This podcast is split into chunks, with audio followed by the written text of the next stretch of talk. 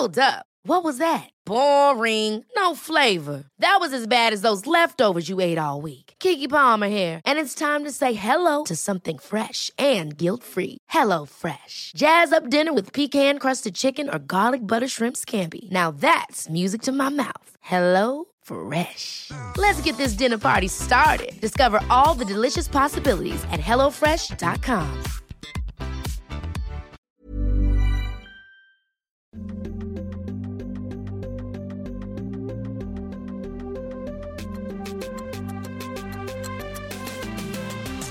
mamma.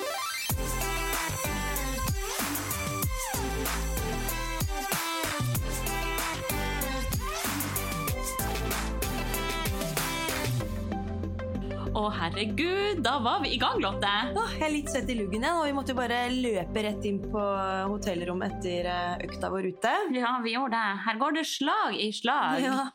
Vi er jo da på treningsreise.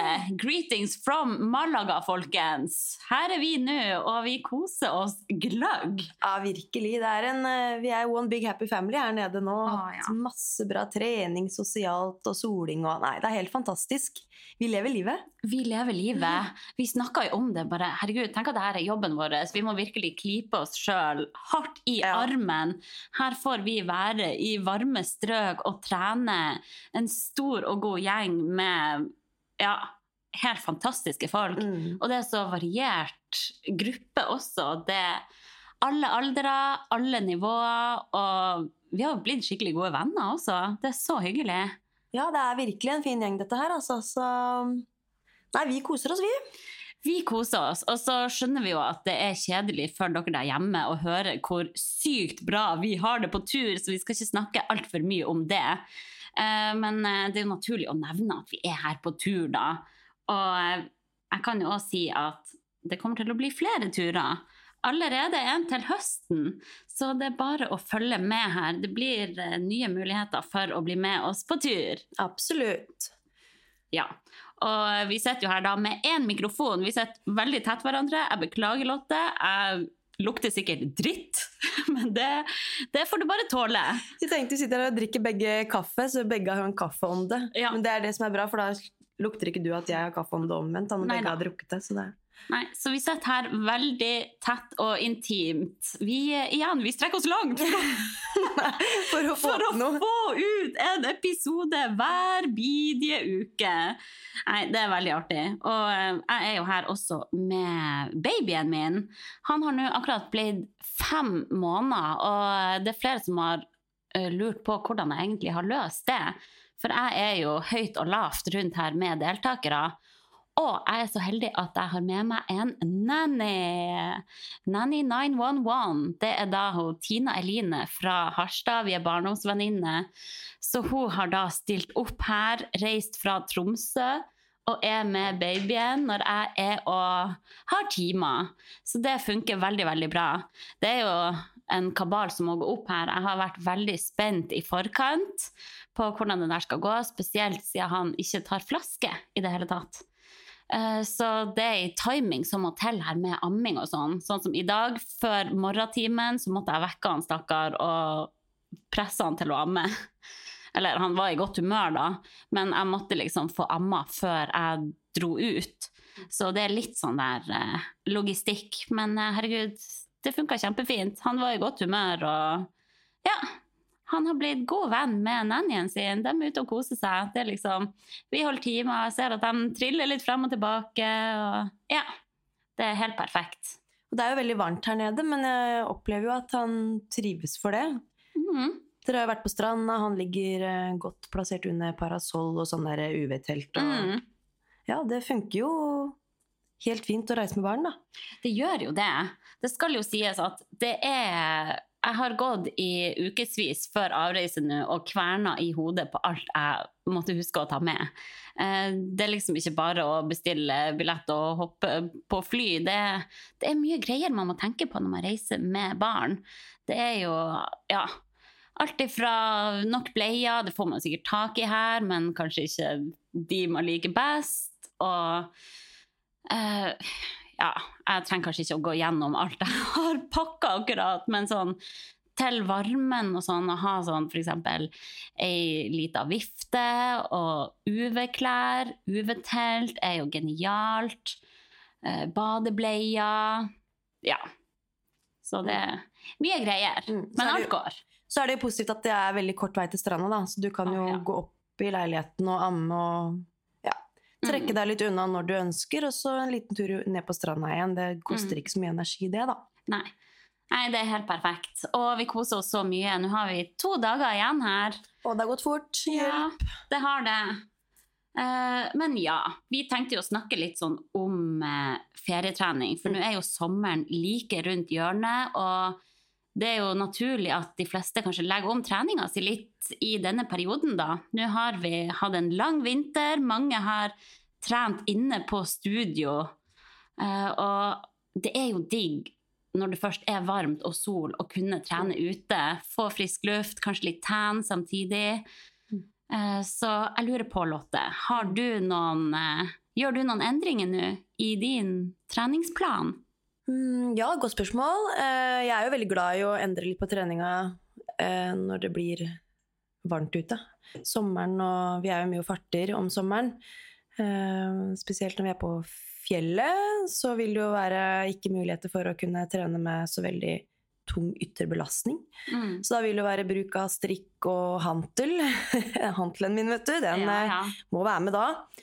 Eh, ellers så går det jo mye til eh, løping og ja, annen kroppsvektstrening. Da, og prøve å tenke litt smart rundt hvordan man ja, Øvelsesutvalg og sånn som gjør at man kan få stimulert muskulaturen godt nok uten å miste noe særlig muskelstyrke og muskelmasse. Da. Mm. Så det er egentlig litt sånn målet med når man drar vekk fra treningssenteret. Altså sånn, hva slags hva bør vi tenke på eh, for å kunne opprettholde muskelstyrke og muskelmasse? Og det tror jeg det er flere her som er litt interessert i å vite litt om. Da. Eh, jeg har jo snakka med litt jenter her nede også. For nå har jo vi fått litt sånn smakebit på dette med ferietrening. Eh, det mesteparten vi gjør her nede nå, er jo med kroppsvekt. Mm. Og selvfølgelig strikkmotstand i øvelser. Eh, og kroppsvektstrening med ja, at vi bruker trenings... Eh, ja, bruker litt plasser, Tuftepark og litt sånn forskjellig. Eh, og de har vært veldig sånn spørrende til Ok, ja, jeg følger et styrkeprogram nå og er veldig interessert i å fortsette å opprettholde styrken. Kanskje også øke litt styrke, hvis det er mulig, selv om jeg er på én til to ukers ferietur. Er det mulig uten å måtte trappe inn på et treningssenter? Mm. Det er litt sånn casen til de fleste. Ja, det har gått litt igjennom her, da. Eller ja. Ja, og jeg kan jo skjønne det òg, hvis man da har brukt en hel vinter på å bygge opp styrke, jobba med masse tunge vekter, og så skal man plutselig ikke være inne på studio på to-tre måneder. Jeg skjønner jo at tanken er der på at å, shit, skal jeg miste alt jeg har jobba meg opp mot nå? Eh, Men her gjelder det jo å kanskje sette seg litt inn i hvordan kroppen egentlig funker, og hvor lite vedlikeholdstrening som faktisk er nødvendig da, for å opprettholde den styrken du allerede har. Og jeg er i hvert fall blitt overraska når jeg har lært hvor lite som faktisk er nødvendig for å ikke miste den styrken man har, da. Og hvis man er veldig interessert i Boink! ja, den er ikke så enkel, den mikken her. Fortsett, Lotte. Fikk den rett i trynet! Nei, jeg tenker på hvis man er veldig interessert i litt mer sånn faglig spesifikt eh, eh, Ja, litt sånn mer på studienivå, da. På det vi også prater om nå, så har vi jo hatt en episode med Martin om dette her. Mm. Hvor lite styrketrening som faktisk skal til for å kunne vedlikeholde og kanskje også øke muskelstyrke og muskelmasse selv ved bruk av litt uh, lettere belastning da, og strikk og sånn. Så Mm. den episoden bør dere da gå tilbake til, Ja. for de som er litt ekstra interessert. Det er jo en av de første episodene vi spilte inn. Uh, veldig nyttig episode.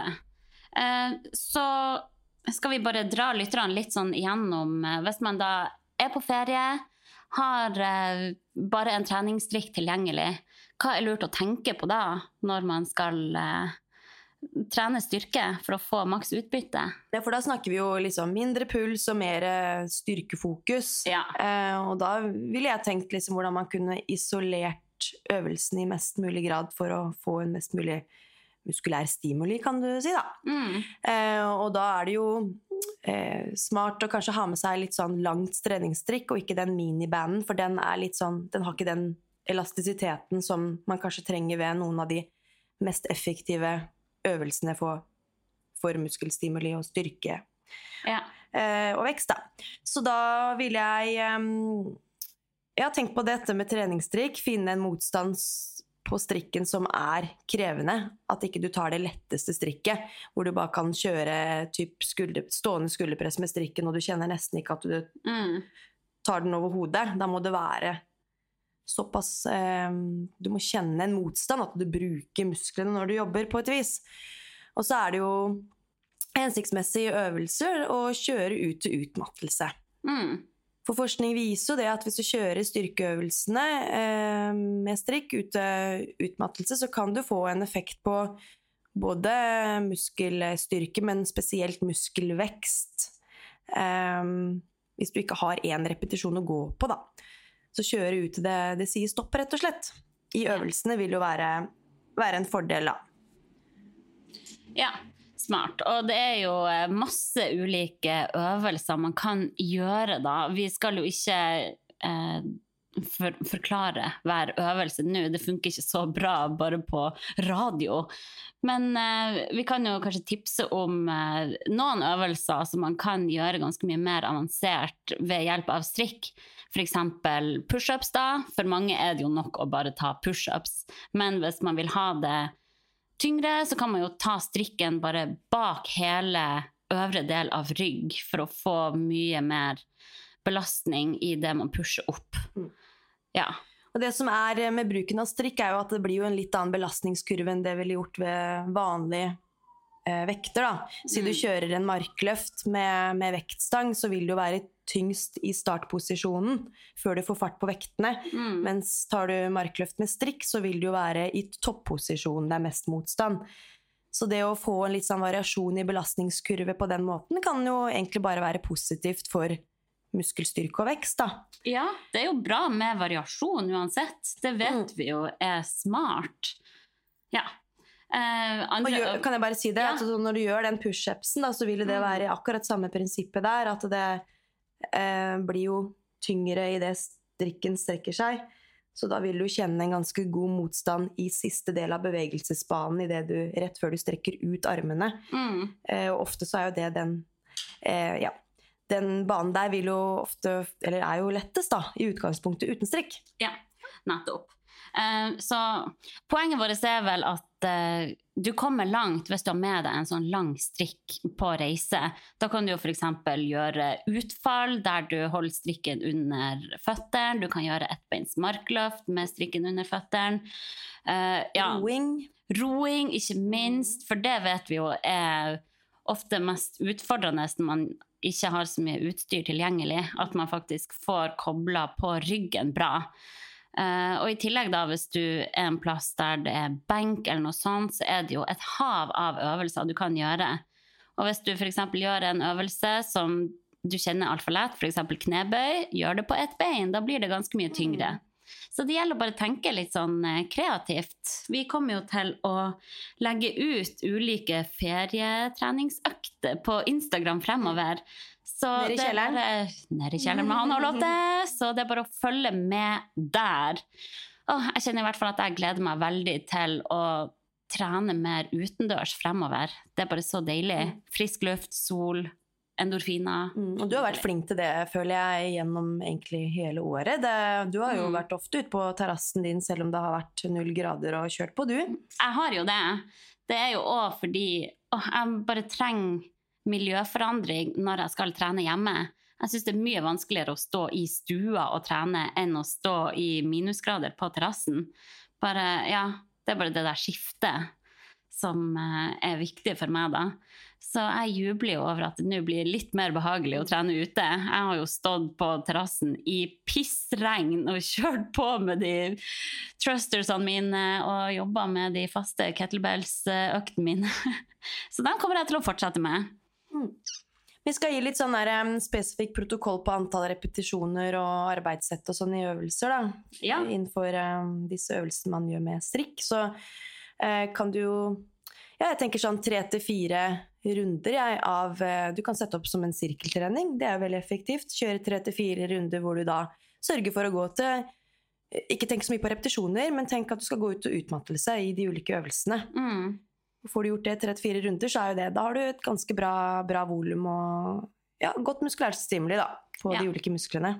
Så her gjelder jo å kjenne etter, da. Da må man nesten prøve seg litt frem og vite litt sånn hvor mange reps må jeg gjøre før jeg går til utmattelse. Eh, Det er ikke sikkert alle vet det før man starter treninga, da. Og jeg skjønner jo at det kan være litt sånn eh, demotiverende, kanskje. Bare OK, nå skal jeg bare kjøre på til jeg ikke klarer mer.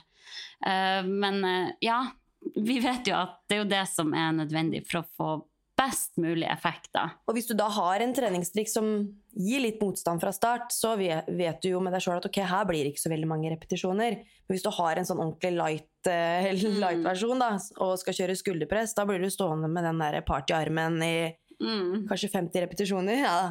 Men eh, da blir det da, da tenker jeg at det blir for lett, da. Da må Mm. vi finne en Ja, prøve å finne en treningstrekk som har litt belastning i seg.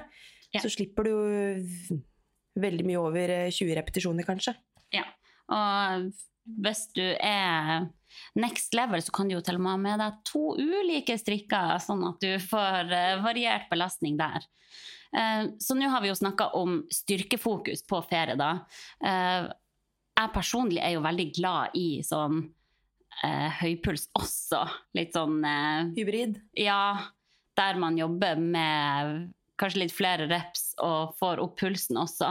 Jeg syns jo det er deilig for å få maks godfølelse. Så det er jo fullt mulig på ferie, om ikke enda enklere å få til det enn eh, maks styrkefokus. Så her gjelder det å bare finne det man sjøl vil, egentlig. Det beste er jo en kombo, så klart. Vi vet jo at det er ganske viktig med styrketrening uansett hvordan eh, treningsform du driver med. Så vi kan jo oppfordre da til å ha styrkefokus i treningsplanen fremover, selv om vi skal trene mer utendørs. Eh, jeg tror jo at det er mange som bare kjører på med løping, får overtenning der. Og så blir man skada og får vondt, og så blir man satt helt tilbake til eh, null igjen. Så ja, pass på å fortsatt få inn noe styrketrening, selv om vi skal trene ute. For styrketrening er jo veldig skadeforbyggende. Og det er klart at eh, selv en god løper må jo eh, ha styrke.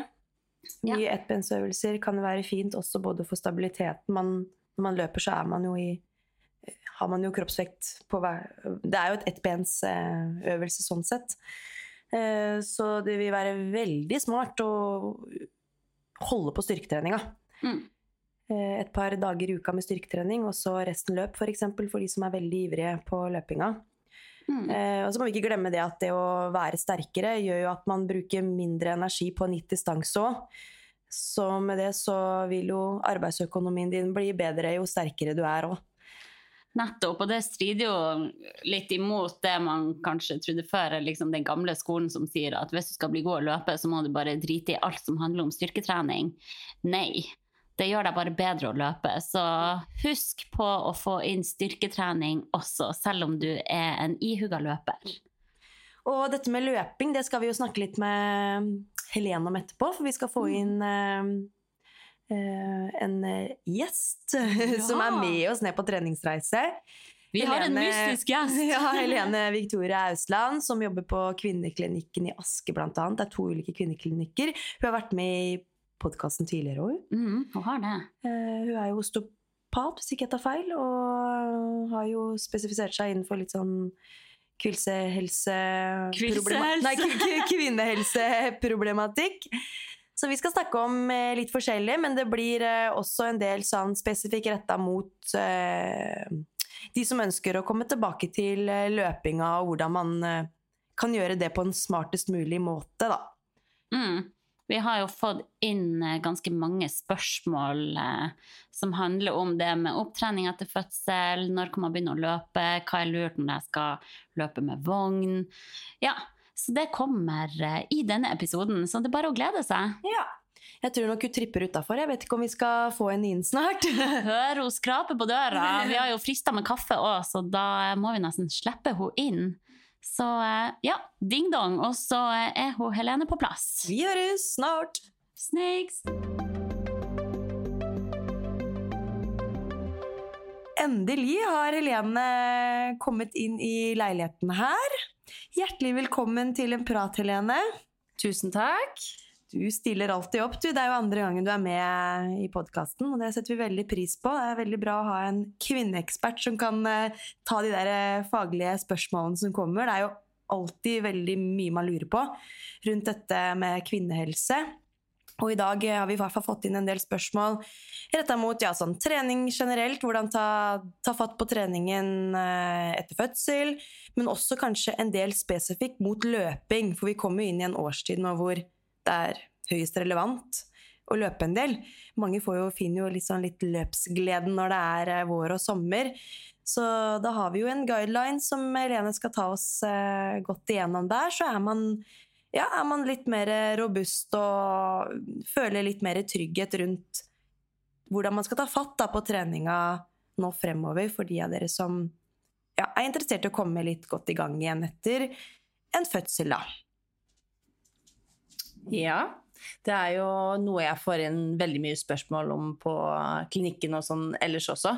Eh, så jeg tenker at det er eh, viktig å kunne gå litt dypt inn i det, og kanskje også litt mer sånn litt mer konkret hva man faktisk kan gjøre, da. Nå tenker jeg bare sånn, Raskt før vi går i gang med spørsmåla, Helene, så kan du bare ta en, ja, en kjapp eh, introduksjon av hvem du er og hva du driver med. Selv om du har introdusert deg tidligere, så er det sikkert ikke alle som har hørt den episoden. Så ja, vær så god, Helene. Ja, mitt navn er eh, Helene Ausland. Eh, Jeg jobber som osteopat eh, og trener for gravide og etter fødsel. Jeg har jo vært her og skravla litt om den tematikken før, og syns det er veldig hyggelig at jeg kan bli spurt igjen. Komme tilbake igjen. Det er alltid mm, mye å ta tak i her, så nå skal vi snakke litt mer om retur til løping. Ja, nei, jeg jobber eh, for det meste med kvinnehelse. Jeg jobber til daglig på en eh, kvinneklinikk, Asker kvinnehelse, på Billingstad. Eh, Og så jobber jeg på Helsfyr på Oslo helsestudio. Og begge steder så jobber jeg med kvinnehelse. Eh, Veldig mye behandling. eh, Alt fra eh, behandling av gravide til spedbarn til ja, hodepine og leggesmerter og sånt, eh, til eh, mye gruppetreninger. Jeg har eh, mye barselgrupper og gravidtrening. ja, og en del én-til-én-oppfølging, da. Så ja, mye rundt kvinner. Det, det digger jeg. Mm. Det er godt vi har sånne folk som deg, Helene. Det er veldig viktig. Um, vi skal gå litt rett på sak her nå, vi. Eh, og det første vi skal snakke litt om, er litt sånn generelt uh, For det er jo mange som lurer på dette med Ok, hvordan skal jeg ta fatt i treningen etter fødsel?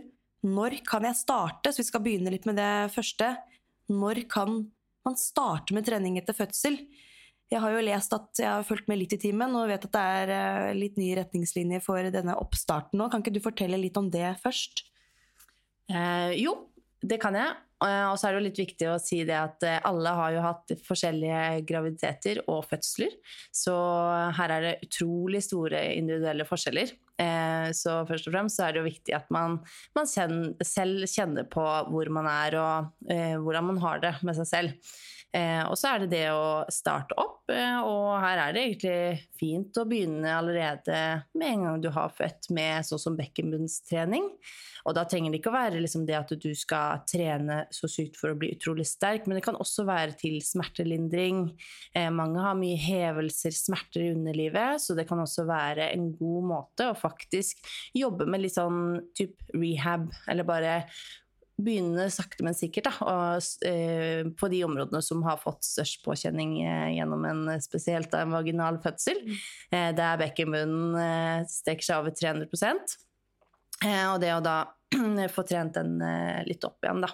Så første steg vil eh, være da bekkenbunnstrening, eh, og da kan du allerede begynne på, altså, på sykehuset. Eh, og de første dagene etter fødsel, selvfølgelig kjenne etter hvordan føles det ut. Det er ofte vanskelig å få kontakt i starten, så her må man eh, smøre seg med litt tålmodighet eh, og ta i bruk den hvis man har gjort litt bekkenbunnstrening, håper jeg alle har gjort i graviditeten. Eh, husker du hvordan du skal gjøre det, og musklene også husker eh, veldig godt hvordan du skal eh, gjøre det igjen, da. Så steg én bekkenbunnstrening. Ja. Eh, etter det eh, så er det jo også litt varierende sånn i forhold til den der eh, fjerde trimesteret, da. Den delen der du kommer inn i etter du har født. Vi har jo en renselsesfase, og kroppen restituerer og trenger å komme seg. Og man må faktisk gi litt rom for at kroppen kan ja, bare eh, ha liksom de der naturlige fysiologiske prosessene som skjer. Man har ofte blødninger. Eh, mange kjenner at eh, man må gi kroppen litt rom for hvile. Og for rett og slett å komme seg litt igjen, da. Eh, Så ofte, ja, de seks til åtte ukene etter fødsel er det mange som kjenner at eh, man må gi rom for, for hvile og ja, komme seg litt igjen. Og her er det også veldig stor forskjell. Eh, noen har hatt ganske tøffe fødsler og, og må bruke lengre tid på å restituere. Man har kanskje hatt litt større traumer med kanskje sydd en del eller hatt indre blødninger. ja. Så når du kjenner selv at du har lyst til å ut og gå litt, så gjør det. Begynn å bevege deg sakte, men sikkert. Kom deg ut på noen trilleturer. Det kjennes ofte veldig godt ut også. Eh, så det er en veldig sånn fin start, det òg. Eh, og selv om vi tenker sånn ja, ja, men det er bare å trille, så er det en god start. Det er en fin måte å sette i gang kroppen på. Du får brukt mange muskler. Man får ofte opp pulsen litt, kanskje. Eh, og hvis det er tungt å skyve vogn, så kanskje få partneren din til å faktisk gjøre det pushet med den vogna, for det er jo ganske tungt. Og spesielt hvis du har hatt keisersnitt, så gi den vogna videre. Den eh, trenger du ikke å ta selv. Det er alltid noen som er gira på å kunne hjelpe til å ta vogna, eller eventuelt si at du, ta den vogna for meg, jeg trenger å ta det litt rolig. Legge inn noen pauser, kanskje dele opp turene. Start med litt korte turer, og så kjenner du Føltes det greit ut? Hvis du får veldig vondt i underlivet, hevelse, og du kjenner at du blir veldig sliten, så er det kanskje greit å ta litt kortere turer. Heller dele opp litt flere korte turer. Eh, eventuelt sette seg ned. Mange er sånn 'ja, men babyen min må ha tur', og, eller sånn må, 'for å få sove, så må jeg liksom gå, gå, gå'. Jeg går mange timer. Og så er man helt gåen. Da er det bedre å heller sitte et sted og liksom rugge litt på den vogna, eller sette på en sånn her eh, liten sånn her vibrasjonsding som man kan ta på vogna for å avlaste deg selv litt. Husk på at du må, du må huske på din egen, eh, egen eh, opptrening, og det tar litt tid, det der. Så ja. Mm, så har jeg et spørsmål, for jeg vet at det er noen som er veldig sånn Kjenner at man nesten kunne gått på en eh, styrkeøkt bare noen dager etter fødsel. da. Kjøre knebøy, kjøre utfall. Eh, Da sikkert med kroppsvekt i første omgang, naturligvis. Selv om man er i en renselsesprosess da og ja, blør en del, og i det hele tatt er det litt tidlig uka etter fødsel å gjennomføre styrkeretta bevegelser. Ja, jeg ville sagt eh, det helt i starten. Og det er mye fordi at eh, vi ser jo ikke bekkenbunnen vår, men man vet jo det at den har fått kjørt seg utrolig mye gjennom fødsel, og bindevevet, muskler, nerver, alt har fått kjørt seg skikkelig. Så vi må faktisk nødt til å være litt snille med bekkenbunnen og underlivet vårt, eh, og bekkenorganene våre. Så med en gang vi legger på noe ytre belastning, så blir det et høyt buktrykk som vil gjøre at det blir mer stress i underlivet og bekkenet vårt.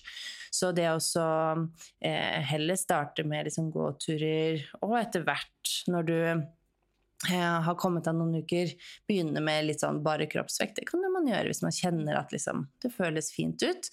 Men du skal ikke få noe mer økt press eller smerter, mer blødninger og sånt.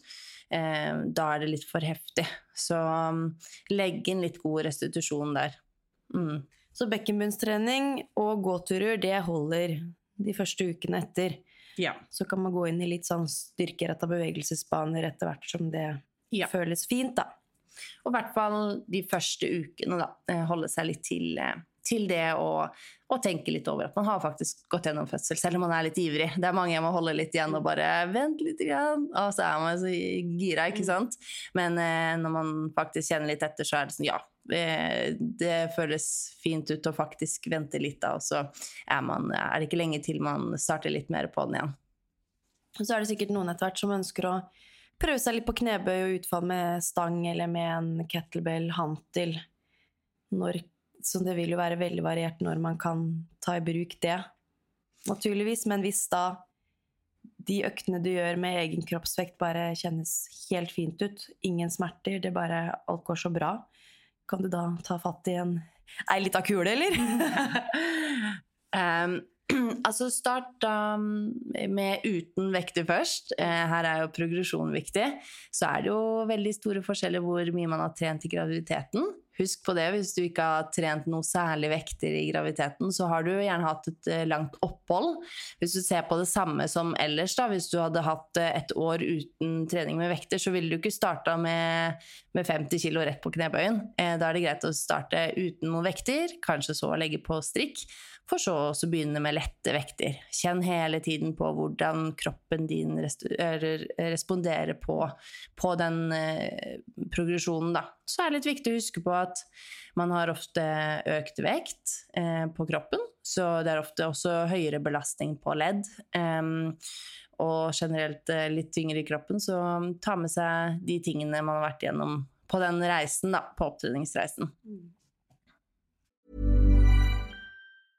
A lot can happen in the next three years. Like a chatbot may be your new best friend. But what won't change? Needing health insurance. United Healthcare Tri Term Medical Plans are available for these changing times. Underwritten by Golden Rule Insurance Company, they offer budget friendly, flexible coverage for people who are in between jobs or missed open enrollment. The plans last nearly three years in some states, with access to a nationwide network of doctors and hospitals. So, for whatever tomorrow brings, United Healthcare Tri Term Medical Plans may be for you. Learn more at uh1.com. Ever catch yourself eating the same flavorless dinner three days in a row?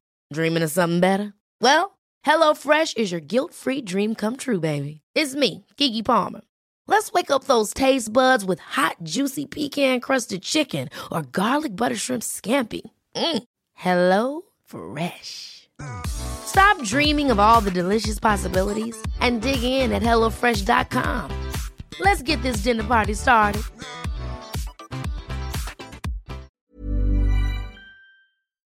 Bra. Litt sånn løping, eller? Skal vi snakke om det nå? Det kan vi godt. Ja, for det er jo ja, det er jo flest spørsmål som har kommet knytta mot det med når kan jeg starte å løpe? Er det noe jeg må ta hensyn til? Når vet jeg at kroppen er klar for å begynne å løpe? Eh, kan ikke du ta oss litt igjennom den guidelinen der, da? Det kan jeg gjøre. Det er jo litt sånn at vi har jo ikke utrolig mye forskning da, når det kommer til uh, mye innenfor kvinnehelse, og da spesielt også sånn som eh, retur til løping etter fødsel. Uh, men det har jo kommet ut en guideline, den begynner jo faktisk å bli en del år gammel, da. Men uh, det, vi må nesten forholde oss til det vi har, og da er det fint å kunne bruke noe veldig sånn konkret. Så jeg bruker denne guidelinen fra 2019. og da er det jo, anbefaler de det vi snakket om i stad, starte med bekkenbunnstrening. og da er det jo det å faktisk sette av tid til det her, da. Det er rett og slett mengdetrening. Jeg pleier ofte å si til kundene mine at eh, nå må du se for deg at du er i en sånn rehab-fase. Akkurat som du har hvis du hadde skadet skulderen din eller kneet. Du må sette av tid til å gjøre en del mengdetrening på de musklene som trengs opptrening på. Og så er det litt sånn med bekkenbunnen, vi ser den ikke, så det er ekstra litt sånn demotiverende kanskje å gjøre det, men det er så viktig. Jeg får nesten ikke sagt det nok, altså. Fordi bekkenbunnen er noe vi liksom har med oss til alt vi gjør, og spesielt på løping. Eh, for hvert steg og hver liksom, gang vi lander på foten, så er det så utrolig høy belastning ned på det bekkenbunnsgulvet vårt, eh, som tar imot hvert eneste steg. Så um, den får kjørt seg ganske mye i løpet av en, en løpetur. Så den må vi starte med rett og slett. Eh, og her kan du gjøre det i mange ulike måter, da. Eh, jeg liker veldig godt å starte f.eks. ryggliggende. Det er en måte man klarer veldig ofte å slappe godt av i de andre musklene som vi ikke skal bruke. For det er jo noe vi ser litt når eh, vi går gjennom bekkenbunnstrening med kunder, er at eh, mange bruker mye lår og rumpe og veldig mye som pusher nedover med magemuskulaturen. Så vi trenger å faktisk liksom slappe helt av. Vi må være ganske sånn på og konsentrert når vi skal gjøre det, spesielt i starten. Det blir liksom litt lettere og lettere etter hvert, men du må liksom, i starten må du faktisk ordentlig, ordentlig være påkoblet da, eh, og tenke at nå skal jeg trene bekkenbunnsmuskulaturen, eh, ikke de andre store muskelgruppene. Eh, så legg deg gjerne ned på ryggen. Em, kjenn etter at eh, noen syns det kan være fint å ha beina litt sånn opp, eh, men at de har liksom fotsålene ned i bakken. Eh, slapp av i magen, slapp av i lår, rumpe. Kjenn at du liksom puster helt ned i magen. Veldig ofte kan det være fint å bare starte med faktisk det å bare Ok, nå puster jeg helt ned. Ta tre gode pust helt ned i magen, eh, sånn at du er helt avslappet. Eh, og så starter vi rolig og kontrollert med at du kjenner at du kniper rundt endetarmen, skjeden, urinrøret og løfter bekkenbunnen ditt opp og innover innvendig. Du kan også se for deg at du har nesten som en sånn glidelås som går bak fra halebenet, og så går den gjennom endetarmen, skjeden, urinrøret, og så heiser vi opp bekkenbunnen. Så det er ulike måter å på en måte se for seg hvordan man skal gjøre det. Å se at Lotte sitter her og kniper og er full konsentrert. Det er veldig bra. Helt korrekt. Ja. Eh, og så er det det å gjøre dette i litt ulike posisjoner. Det er anbefalt at man legger seg over på siden, står på alle fire, eh, og eh, utfordrer muskulaturen i de ulike posisjonene. Og her er det mengdetrening som skal til, eh, så ta, når du har knipe, hold der i åtte sekunder og gjenta ti repetisjoner. Eh, og gjør dette her tre ganger. Eh, og gjerne også opptil flere ganger om dagen. Eh, det er jo anbefalt at man gjør det tre ganger daglig. Det er jo ekstremt mye, men det krever mye for å faktisk få gode resultater. Så det er, eh, det er verdt det. Så ta det med, da. Husk på det. Em, ja. Så bekkenbunnstrening blir en stor del av denne her retur til løping. For den må vi ha med. Og den er med da gjennom hele disse tre månedene med opptrening. Så nå starter vi på en måte fra null og opp til tolv uker. Det er på en måte denne her eh, progresjonsetappen vi har. Og selvfølgelig, hvis du ikke er klar til å starte i starten, så bare begynner du når du føler deg klar for det. Så da eh, starte med bekkenbunnstrening, gjøre dette daglig. Eh, de første da, altså første og andre uke, bekkenbunnstrening. Eh, og så begynne å gå gåturer. Eh, her er det ikke noe sånn hvor langt du går, det, det må du kjenne på selv og føle litt sånn som vi snakket om i stad. Hvordan, hvordan responderer egentlig kroppen? Føles det greit ut? Lengde? Det kan være Har du hatt en dårlig natts søvn, så er det kanskje enda tyngre å gå tur. Så her må du liksom ja, styre litt dagene etter hva som funker, da. Du må liksom komme litt på plass de første ukene også. Eh, også her begynne med litt sånn lett aktivering av magen. Så bare eksempel når du da ligger på ryggen og så kniper bekkenbunnen din, så tenker du at du også trekker navlen litt innover. Ikke mye, men bare lite grann. Og så slipper du helt ut igjen. Sammen med bekkenbunnen. Kan du gjøre de to samtidig hvis du vil det. Kan også stå på alle fire, trekker inn bekkenbunnen, og så tar du litt ekstra der du får med magen. Så aktiverer vi litt og slipper helt ut igjen. Her er veldig mange som syns det er fint også å bruke pusten. Så når du puster godt inn, og på utpust så kniper du bekkenmunnen opp og innover, så holder du der. Og når du holder de åtte sekundene, skal du også fortsette å puste rolig og kontrollert. Og da slipper du helt ut. Og det er også like viktig med denne avspenningsfasen etter vi har hatt den her eh, strammingen. Sånn at man faktisk får jobbet 100% av muskelens kapasitet. Ok, vi fortsetter videre, vi eh, til uke to til fire. Eh, så vi fortsetter med bekkenbunnstreningen eh, og gåturer. Kanskje du føler deg litt bedre, du kan gå litt lenger. Der styrer du bare det selv. Fortsetter også med aktivering av mage. Eh, samme som, eh, som på første. Eh, og så kan du begynne med litt enkle egenkroppsøvelser. Og her, spesielt hvis du da skal rutinere da til løping, så er det jo noen muskelgrupper som er viktigere å jobbe med enn andre, spesielt da i underkroppen. Så begynn å legge inn f.eks. helt sånn enkle hip thrust, der du ligger på ryggen og strammer rumpa for å komme godt og få kontakt med sete og bakside lår og korsrygg. Veldig fin øvelse. Kan også gjøre litt eh, enkle knebøysøvelser, eh, markløftsøvelser. Kjempefin å gjøre uten vekt. Kan bare kjøre ettbeins markløft, f.eks. Eh, eller bare holde armene bak hodet og ha begge beina samla og bøye seg godt fremover for en god bøy i hofta, så du kjenner at det strekker på baksiden av lårene. Eh, så litt sånn enkle øvelser som du bare kan gjøre hjemme i stua. Eh, jobbe videre med det her disse to ukene. Så går vi videre til uke fire til seks. Eh, her begynner vi med litt grann, eh, mer intensitet. Man kan f.eks. begynne litt mer med sykling, kanskje ro litt. Noen begynner litt mer på ellipsemaskin, eller gå litt mer oppoverbakke. Kanskje få pulsen litt mer. Hvordan føles det ut? Hele tiden kjenn litt etter. Hvordan er det etter jeg har gjort en sånn økt? Får jeg noe nedpress? Får jeg noe smerter? Eh, hvis det, så vil jeg at du skal ta ned intensiteten litt. Vi må finne det nivået som du er på. Og det er litt viktig. At du ikke overgår din evne. Og alle er forskjellige her etter fødsel. Eh, fortsetter med progresjonen av de andre ukene med bekkenbunnstrening og aktivering mage og enkle eh, egenvektsøvelser. Så går vi litt eh, videre. Uke seks til åtte. Har liksom to ukers bolker her. Eh, her kan du gjerne da, hvis du har tatt keisersnitt, hvis det føles behagelig ut, så kan du godt begynne med litt arrvevsmassasje. Og det er også fordi at ikke det skal bli så hardt der keisersnittet er blitt tatt av. Det er på arret. Eh, her er det jo veldig forskjellig om man har hatt eh, altså planlagt keisersnitt, eller om det har blitt litt sånn hastekeisersnitt. Så hvis du har mye litt sånn arr, arrvev, så du kjenner at det er litt hardt, Kanskje gjerne massere litt ekstra rundt der. Start gjerne bare utenfor bukse. Hvis det er rart, ømt eller vondt å ta på arret, så bare vent litt. Det er ikke noe hast her, men etter hvert bare begynn litt rolig med arrvevmassasje.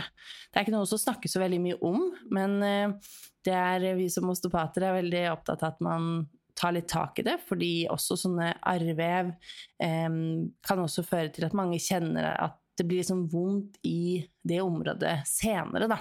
Så det å jobbe litt med det de neste ukene kan være en veldig fin måte å gjøre at det arret får en god bevegelse og ikke blir sånn hardt og, eh, og vondt, da. Um, og så fortsette med kanskje litt raskere tempo. Eh, kjenn etter. Hvordan er det Kanskje du tar på deg litt mer treningshøy når du går. Kanskje du kan få pulsen enda litt mer. Eh, få i gang liksom eh, i litt oppoverbakker. Føles det greit ut? Kanskje du tar og, tar og kjører på med litt mer motbakke. Og så begynner vi med litt lette vekter. Litt gradvis her.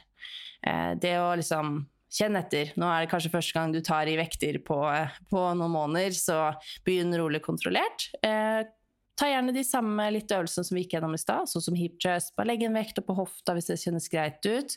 Hvis du har hatt keisersnitt, så kan det være greit å vente litt med å legge noe på magen. Eh, legg det heller opp på låret, f.eks. Hold det litt, eller bare kjør med strikk. Eh, ikke push den der noe særlig hvis det er ubehagelig. Um, også sånn som med knebøy.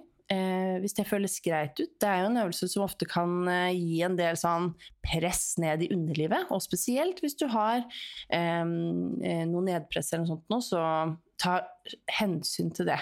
Og ikke, ikke push den der. Da er det mye heller å kjøre eh, sånn som hiptrusten, trene godt rumpa på der, eller litt isolert rumpetrening med strikk f.eks. Eh, markløften Begynn med litt vekter.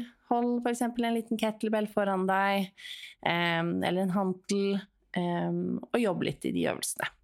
Kan også være fint å legge på litt sånn som sidehev, trene litt mer mage. Hvordan føles det ut? Her er det også veldig individuelle forskjeller. Eh, hvordan, eh, hvor stor mage man har hatt, ut fra også hvor stor deling man har av magemuskler. Så um, ta hensyn til det når du aktiverer magen og får koblet på. Eh, kjenn at liksom Ok, nå kjenn på magen din når du gjør magetreningen. Er jeg påkoblet? Klarer jeg liksom trekke litt i navlen så du er på med den dype kjernen når du gjør øvelsene? Og så går vi over til den siste bolken, eh, uke 8 til 12. Eh, og her er det egentlig veldig fokus på bare progresjon av trening med vekter. Så vi må jo ha en sterk muskelgruppe på bein, spesielt da, når vi skal begynne å returnere til løping. Eh, det er jo gjerne ofte her belastningsskadene kommer, hvis vi ikke har gjort den eh, rehab-biten og trent opp eh, musklene, sånn som spesielt er hamstring, leggmuskulatur, sete, hofte eh, og core. Så um, anbefaler å legge inn en god dose med, med styrketrening her. Eh, og det vil også gjøre deg til en bedre løper på sikt. Og ikke minst den der faktisk ta tak i den litt sånn, litt sånn rehab, bygge deg opp til å ha den muskelmassen som tåler den påkjenningen det er å løpe. Eh, og så har jo alle selvfølgelig forskjellige mål her, hva man ønsker. Eh, så ja, da er vi i mål på tolv uker. Nå har eh, man jobba seg godt gjennom en god progresjon. Eh, og så er det selvfølgelig sånn at eh, det er jo ikke sånn at alle nå føler seg klare for å begynne å løpe. Eh, men det har man i hvert fall hatt en sånn ja, bolkvis eh, progresjon som man kan følge litt. Og så er det bare å bruke litt lengre tid i de ulike bolkene hvis du føler for det. Det er litt viktig å ta hensyn til. Og er det da noen sånne konkrete fysiske krav som må være tilfredsstilt før man kan liksom gå i gang med den første løpeøkta? Ja. Så nå er de tolv ukene gått. Eh, og da er det anbefalt at man eh, når noen liksom fysiske krav. Og det handler litt om å teste kroppen. Tåler den den belastningen det er å løpe? Så det er f.eks. at du vet at du kan gå en tur på 30 minutter med godt tempo uten at du har noe urinlekkasje, smerter, ubehag. Det er viktig. Eh, at du kan gjøre eh, sånn som eh, eh å hoppe fram og tilbake eh, uten det samme, da, uten urinlekkasje. Og så stå på samme stedet ett minutt og løpe. Hvordan er det? Og sånne ting kan du gjøre hjemme. ikke sant? Det er smart å teste. sånn at hvis plutselig har jeg hatt flere klienter som plutselig har tisset på seg. Og da har vi skjønt ok, men da må vi nødt til å fortsette med treningen før vi kan returnere. Og det er litt greit å heller teste det hjemme enn kanskje ut på løpetur. Så gjør litt sånn eh, eh, sjekk av de tingene her først. Eh, og så trenger vi også da en ordentlig sterk bekkenbunnsmuskulatur. Så kjenn etter at du klarer faktisk å holde et knip opp mot altså 50% av maksknip i ett minutt. Eh, ta gjerne fram telefonen din, og så tar du eh, og eh, sjekker på klokka di. Klarer jeg å holde sånn 50% av maksknipet mitt i ett minutt, da. Um, og skal også klare å gjøre litt raskere knip um, ti ganger um, etter hverandre. Skal også ha litt styrke. Men det har du jo bygd opp nå gjennom den eh, progresjonen. Så det med ettbeins tåhev, 20 stykker av hver, ettbeins altså, Type sånn eh, knebøy til en stol. Eh, også litt sånn sideliggende, eh, der du jobber med innsidelår, Eh, eh, og litt sånn derre Egentlig mange av de styrkeøvelsene vi har jobbet med nå. da, At du føler deg sterk i de, de øvelsene uten at du får noe vondt eller ubehag. Eh, ja. Også, også det at man eh, har gjerne vært også sjekk hos gynekolog, fått en eh, undersøkelse, at man ikke har noe nedfall eh, eller noen problemer med det uregenitale. Fått en klar signal der til at eh, alt er good. Så er det bare å sette i gang. Perfekt! Det er jo helt supert. Men jeg tenker sånn, ok, da skal du på din første løpeøkt, da. Så må man jo tenke på ok, hvor, eh, hvor, fort skal jeg løpe? Hvor lenge skal jeg løpe? Hvor mange ganger i uka skal jeg løpe? Det er jo en del hensyn å ta der med tanke på volum og intensitet, eh, varighet på øktene. Har vi noen konkrete anbefalinger der? Her er det litt sånn at eh, eh, nå må du se litt hvordan målene dine er. Eh, hva er det du vil oppnå? Eh, og noen er sånn 'jeg vil løpe maraton', noen vil løpe 10 km. Så her kommer det litt an på hvor lenge er det til det målet ditt, eh, og legge opp en, en plan på det. Og her er det viktig å sette opp delmål, fordi vi må ha en del delmål før vi kan nå målet.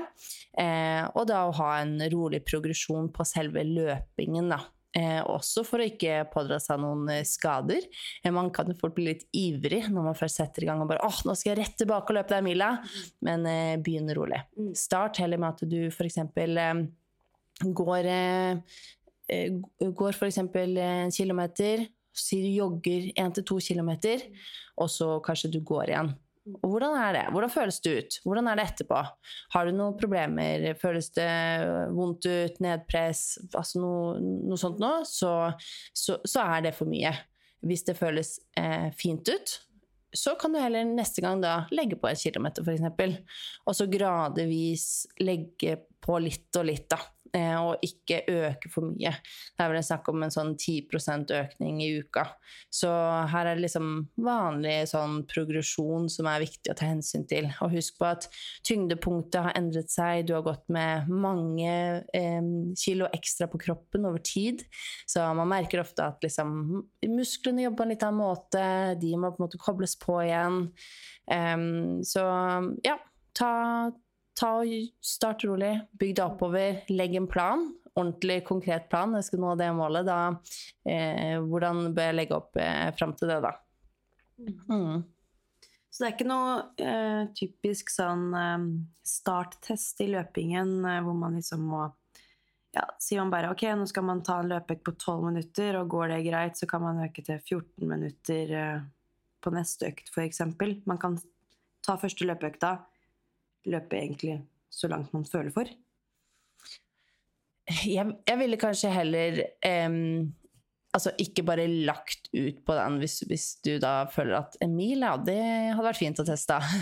Så heller liksom Fordi det blir jo ganske høyt buktrykk hver gang du løper, så heller start roligere og bygg deg opp eh, kapasitet. Sånn at selv om ja, ja, det hadde kanskje gått fint, da, men start litt og litt, og så er du fort på den mila hvis du legger på 10% hver gang du begynner, da, eksempel.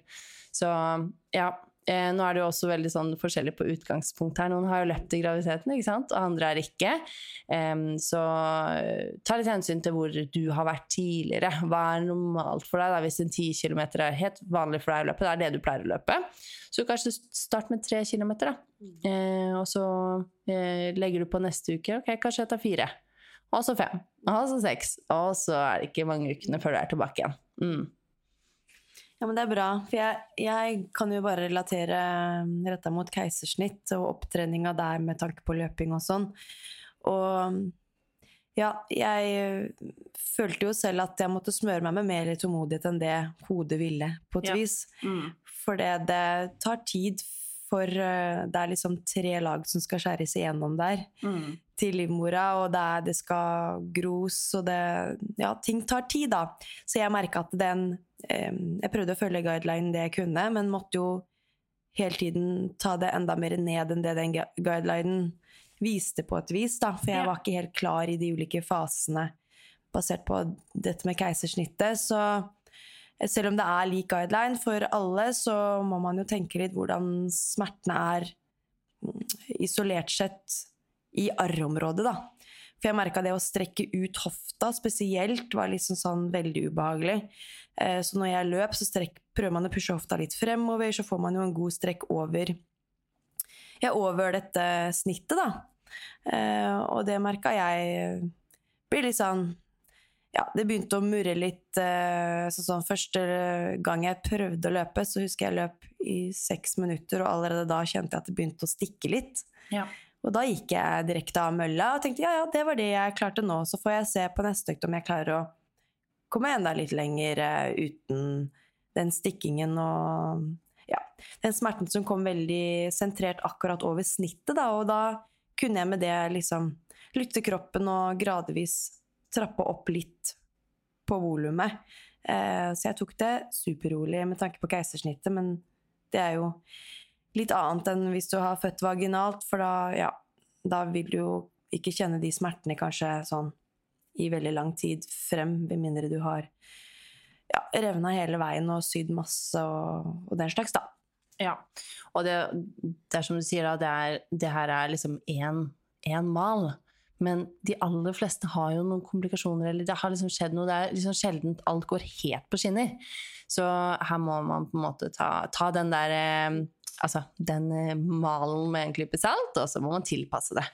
Eh, og også hvis du kjenner at liksom, nei, det her er noe som skurrer, liksom, få litt hjelp, eh, litt veiledning som passer spesifikt til deg, fordi det generelle passer ikke for alle.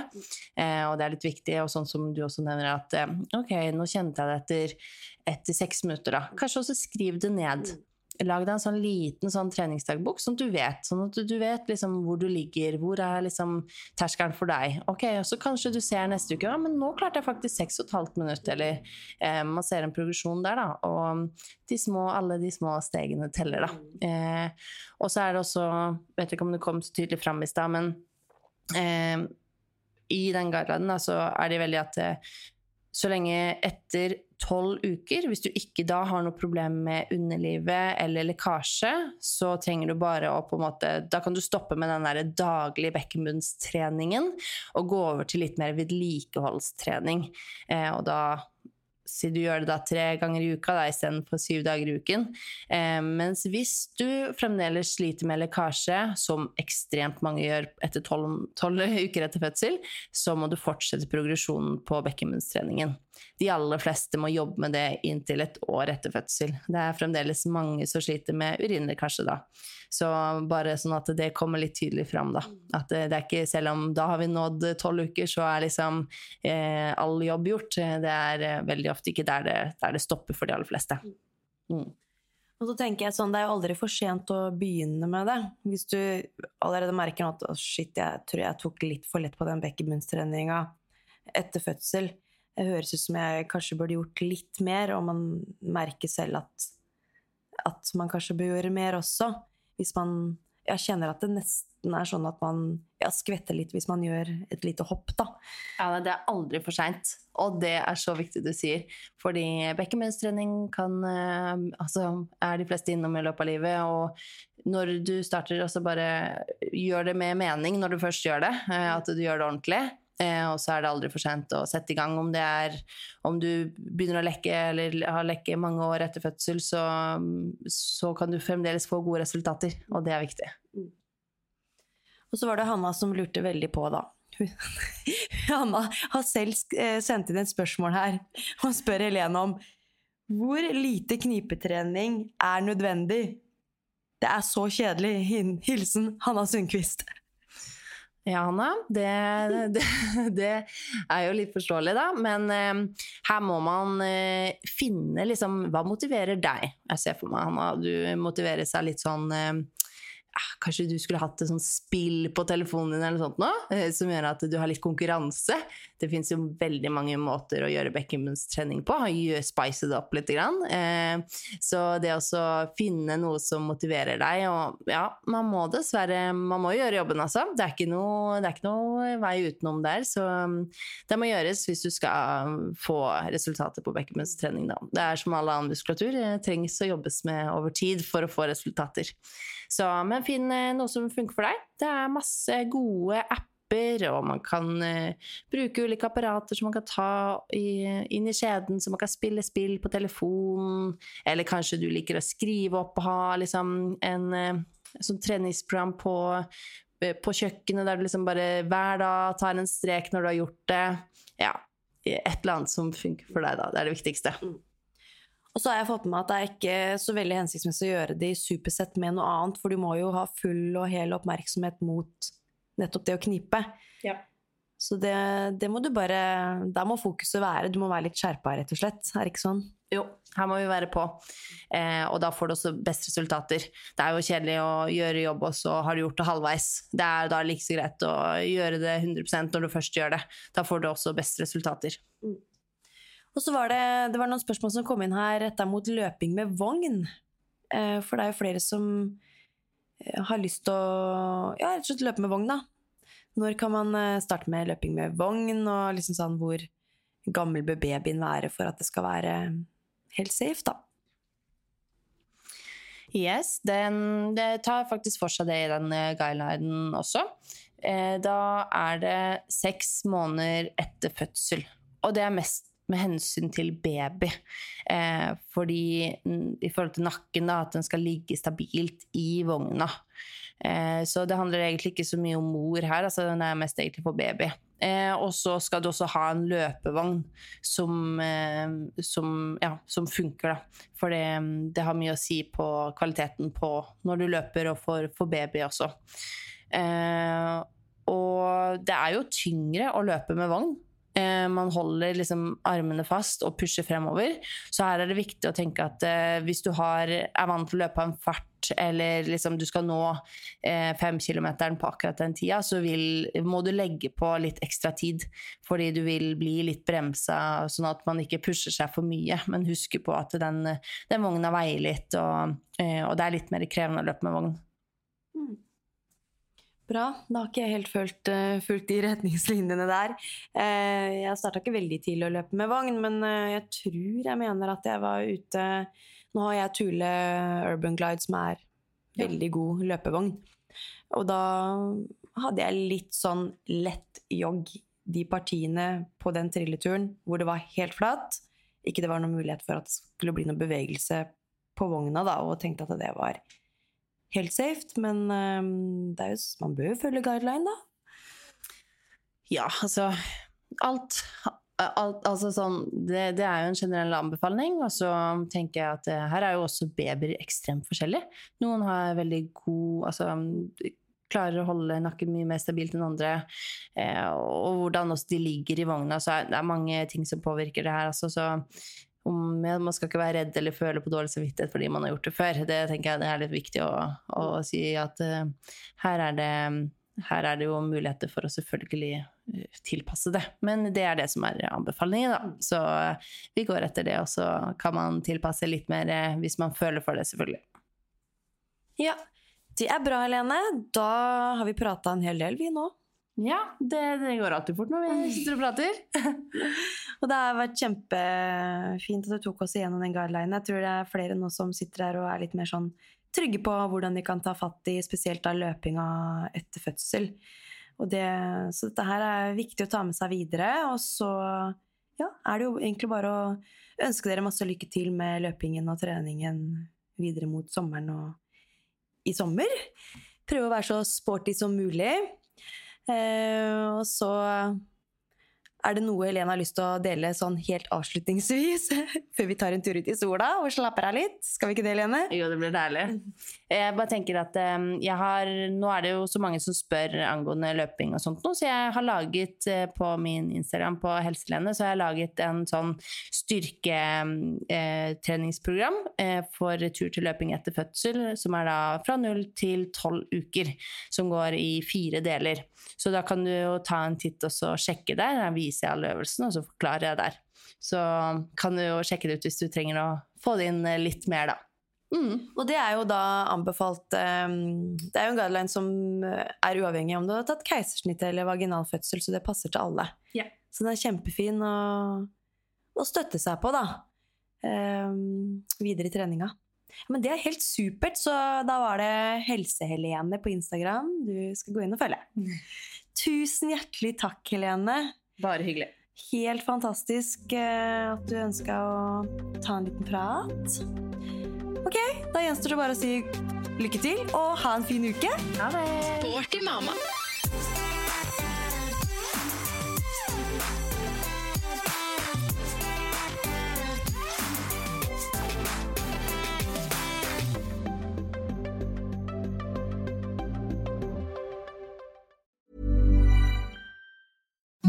Imagine the softest sheets you've ever felt. Now imagine them getting even softer over time. That's what you'll feel with Bowl and Branch's organic cotton sheets. In a recent customer survey, 96% replied that Bowl and Branch sheets get softer with every wash. Start getting your best night's sleep in these sheets that get softer and softer for years to come. Try their sheets with a 30-night guarantee. Plus, get 15% off your first order at bowlandbranch.com. Code BUTTERY. Exclusions apply. See site for details.